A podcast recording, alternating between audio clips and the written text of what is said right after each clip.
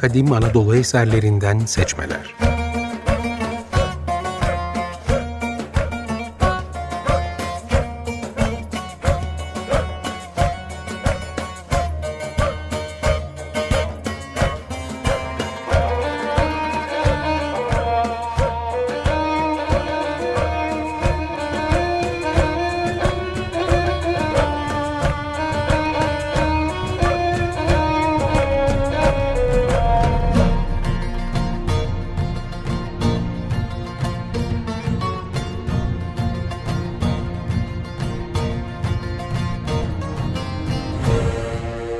Hazırlayan ve sunan Haluk Mimaroğlu. Ben Haluk Mimaroğlu, sınıf arkadaşım Levent Başaran ile yurdumuzla ilgili uzun soluklu bir programa başlıyoruz. Levent ile benim pek çok ortak yönümüz var. İkimiz de muhtemelen annelerimiz rahat etsin diye İstanbul'un en disiplinli hem de yatılı okuluna gönderilmişiz. İkimiz de yaramazlığımızın yanı sıra sınıfımızın iyi talebelerinden sayılırdık. 68 kuşağından sayılmayız ama Beatles kuşağındanız diyebiliriz. İkimiz de fenci olmakla beraber ilerleyen yıllarda tarihe, edebiyata da merak sardık. Yabancı eğitimimizin yanı sıra yurdumuzla da ilgilendik. Liseden itibaren amatör rehberlik kurslarına gittik, yurdumuzu daha iyi tanıdık ve yurdumuzu tanıtmaya çalıştık. İlgimizi ilerleyen yıllarda Anadolu ile ilgili eserler okuyarak pekiştirdik. Benim kütüphanemde Anadolu ve Yakın Doğu tarihine ait 3-5 raf kitap varsa, Levent'in kütüphanesinde edebiyattan tarihe bir duvar dolusu kitap var diyebilirim. Biz bu programda yazının Anadolu'ya gelmesinden itibaren Anadolu'da yazılmaya başlanan eserleri tanıtmaya çalışacağız. Azra Erhat'ın Herodot'un Tarihi adlı kitabın ön sözünde dediği gibi kimleri yetiştirmemiş ki Anadolu? Homeros'tan başlayarak Safo ve çağdaş şairlerin hepsi ya Ege kıyılarından ya da Ege adalarından. Thales, Anaximandros, Anaximenes, Herakleitos, Pitagoras gibi büyük adamlar Miletos'ta, Efesos'ta, Samos'ta yani hep İzmir yöresinde doğmuşlar. Tarihin babası Herodotos Ege kıyılarına inci gibi dizilmiş İonya şehirlerinde gelmiş dünyaya. Halikarnas balıkçısının Akdeniz uygarlığı diye adlandırdığı aydınlık bizim bu topraklardan yayılmış dünyaya.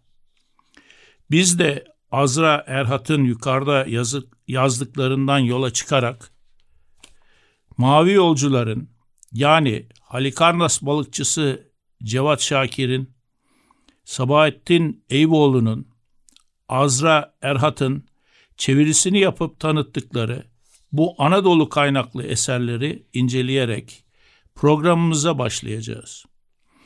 Anadolu'da bir tur atıp İstanbul'a geldikten sonra tarihin derinlerine inip bunların kaynağını oluşturan kadim Anadolu yazılarını bulundukları karanlıklardan çıkartıp aydınlığa kavuşturmaya çalışacağız. Tarihten bu yana Anadolu'da yazılmış bu eserlerin tamamını Cevat Şakir'den bir adım daha ileri giderek Anadolu klasikleri diye adlandıracağız.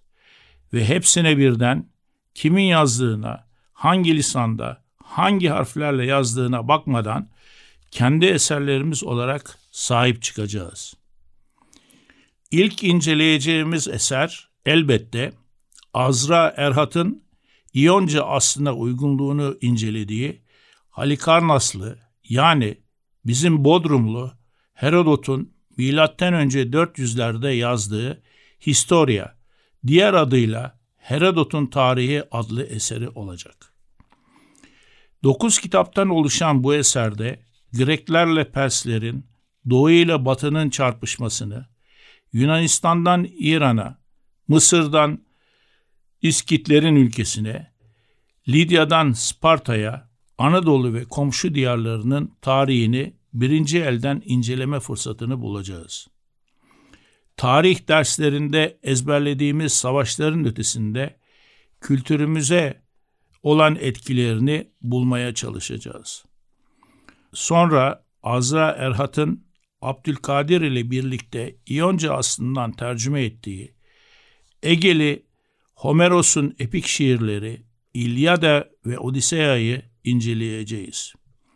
Milattan önce 600'lerde yazıldığı düşünülen bu eserlerin sözlü kaynaklarının çok daha eskilere dayandığını göreceğiz.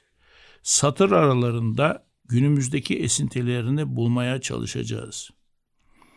Ve Azra Erhat'ın Sabahattin Eyüboğlu ile birlikte tercüme ettiği Hesiod'un Teogonyasını ile devam edeceğiz.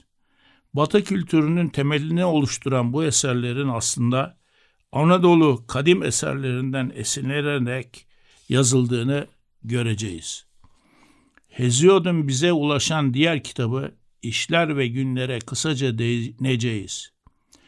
Yunan ve bilahare Roma inancının temelini oluşturan bu eserlerde yazarın kendi hayatından bahsederken ailesinin neden yurdumuzu terk edip Yunanistan'a göç ettiğini öğreneceğiz. Doğu geleneklerinden yola çıkarak Hesiod'un sözünü ettiği tanrıların belki de bu göçler sayesinde Anadolu'dan batıya taşındığını göreceğiz. Şimdi bir nefeslenmek için kısa bir müzik arası veriyoruz. Merhabalar. Kısa bir aradan sonra kaldığımız yerden Kadim Anadolu eserlerinden seçmeler programımıza devam ediyoruz. Midillili şairler Sapfo ve Alkeus ile Seferisarlı şair Anakreon'un öncülük ettiği lirik şiir geleneğine değineceğiz.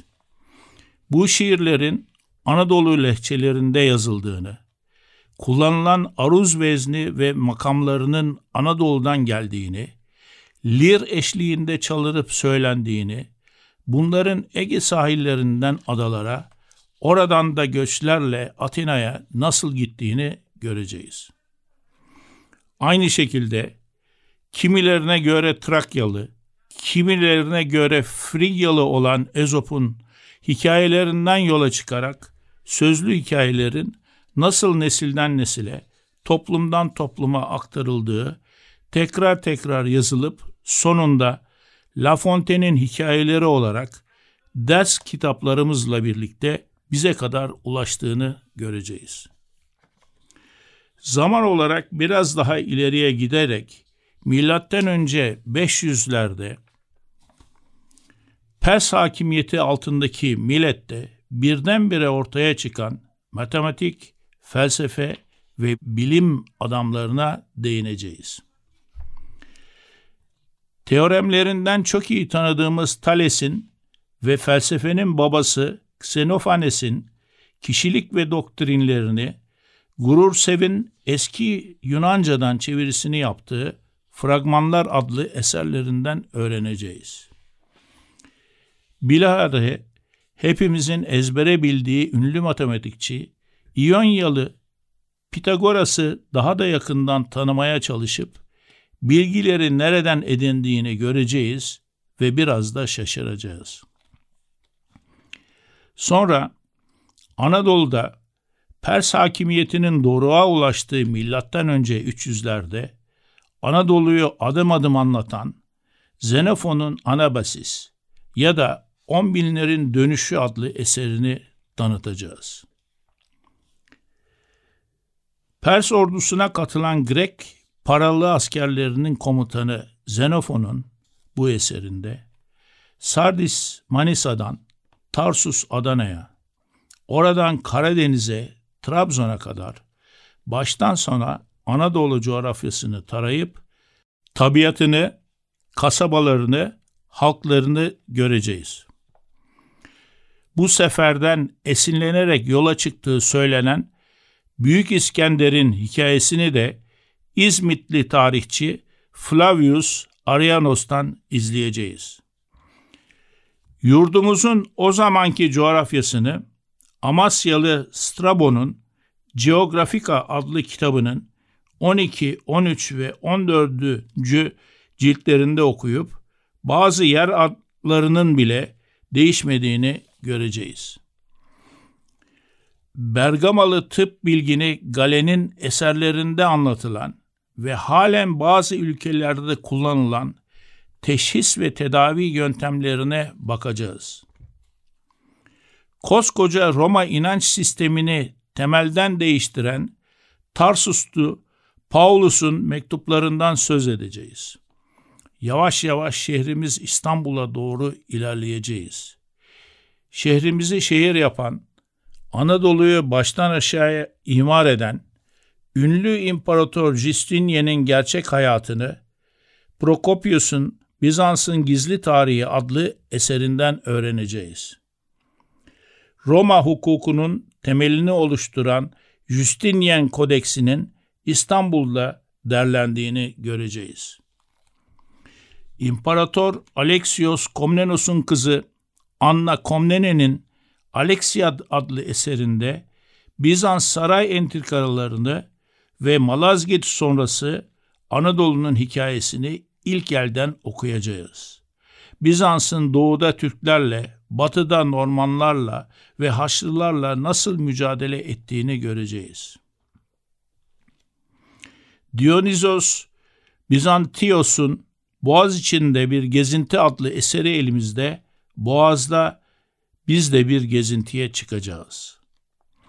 İstanbullu tarihçi Johannes Zanoras'ın 18 ciltlik Dünya Tarihi kitabının Türklerin Anadolu'ya girişine denk gelen 17. ve 18. ciltlerini tanıyıp Kalkokondis'in 10 ciltlik kitabından Fatih Sultan Mehmet'in hayatı ve tarihini okuyacağız. Bizans tarihçileri Georgius Francis'in anılarını, Dukas'ın kroniklerini, Venedik elçisi Francesco Filelfo ve oğlu Giovanni'nin kimi nefret dolu, kimi metiye dolu, kimi taraflı, kimi tarafsız olmakla beraber döneme ışık tutan bütün yazılarını inceleyeceğiz. Ve programımızın bilimci bölümünü böylece Bizans'ın çöküş ve İstanbul'un fethi konularıyla tamamlayacağız. Tanıtımını yapacağımız eserleri incelerken ait oldukları dönemin dil, tarih ve coğrafyasına da değineceğiz. Yazarların ve çevirmenlerin hayat hikayelerine de bağlı bulundukları akımlara da değineceğiz. Şimdiye kadar bizden uzak olduğunu, bize ait olmadıklarını düşünerek okuduğumuz eserlerin içinde kendimizi görmeye çalışacağız. Bir türlü sahip çıkmadığımız bu eserlerin aslında bize ait olduğunu göstermeye çalışacağız. Programımızın ikinci yarısında tarih derslerinde ezbere öğrendiğimiz Sümer'in, Akatlı Sargon'un, Babilli Hammurabi'nin, Asurlu Banipal'in, Hititli Hatuş, Hattuşili'nin, Lidyalı Krozos'un, Frigyalı Midas'ın, Pers kralı Gerges'in, Makedonyalı İskender'in, Bizans imparatorlarının aslında bize ne kadar yakın olduğunu, coğrafya derslerinde bize ezberlettikleri dağlarımızın, madenlerimizin aslında bulundukları çağların en ileri kaynakları olduğunu, bütün dünyaya buralardan yayıldığını, tarım ve hayvancılığın da Anadolu'dan çıktığını, Sümer'de başlayan medeniyetin de Anadolu üzerinden batıya gittiğini göstermeye çalışacağız. Azra Erhat'ın 1977'de çevirisini yaptığı bir kitabın ön sözünde dediği gibi artık belli bir eseri tek başına incelemek değil, kesintisiz bir gizli yaşamla süre gelmiş bir bütünü topluca kavramak ve değerlendirmek gerekir. Bu türden toplu bakışlar eskinin bir yerde bitmediğini, yaşamına bugüne dek sürdürdüğünü ve yarın da sürdüreceğini kanıtlamaktadır. Biz de bu programda Azra'dan 40 yıl sonra Anadolu'ya ait eserlere topluca bakıp yazarın dediği gibi üstünde biriken külleri temizlemeye çalışacağız. Ben Haluk Mimaroğlu ve yurt dışında olduğu için bu yayına katılamayan arkadaşım Levent adına haftaya Herodot'un tarihinde buluşmak üzere hoşça kalın derken programımıza katkıda bulunmak isteyen dinleyicilerimizin bize Açık Radyo et açıkradyo.com.tr'ye mail atarak ulaşabileceklerini belirtmek isteriz. Kadim Anadolu'dan eserlerden seçmeler programında adı geçen eserlerin listelerine Açık Radyo web sitesi program sayfasından ulaşabilirsiniz. Hoşçakalın.